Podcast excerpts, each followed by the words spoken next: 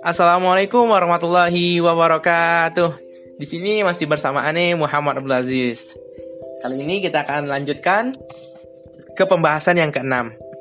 Apa sih yang kita bahas di pembahasan keenam ini? Nah, di pembahasan keenam ini kita akan membahas dengan tentang tinjauan perdata terkait hukum dan akad kontrak dalam transaksi. Nah, DSN MUI Dewan Syariah Nasional Majelis Ulama Indonesia sebagian sebagai sebagai lembaga, lembaga fatwa Islam di bidang ekonomi hingga pertengahan 2017 telah mengeluarkan 116 fatwa terkait keuangan dan bisnis syariah. Bahkan dari fatwa-fatwa DSN MUI tersebut tidak terkait dengan mengadopsi konsep akad untuk dijadikan sebagai landasan transaksi, sehingga keabsahannya terlegitimasi. Untuk melakukan transaksi bisnis, selalu diper diperlukan akad sebagai dasar pengikatnya.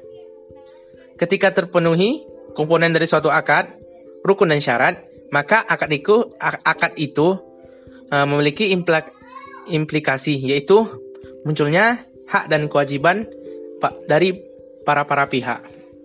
Mungkin itu saja yang kita bahas di uh, podcast bagian ke-6 ini dan kita akan membahas uh, uh, lanjutkan pembahasan yang ketujuh nanti.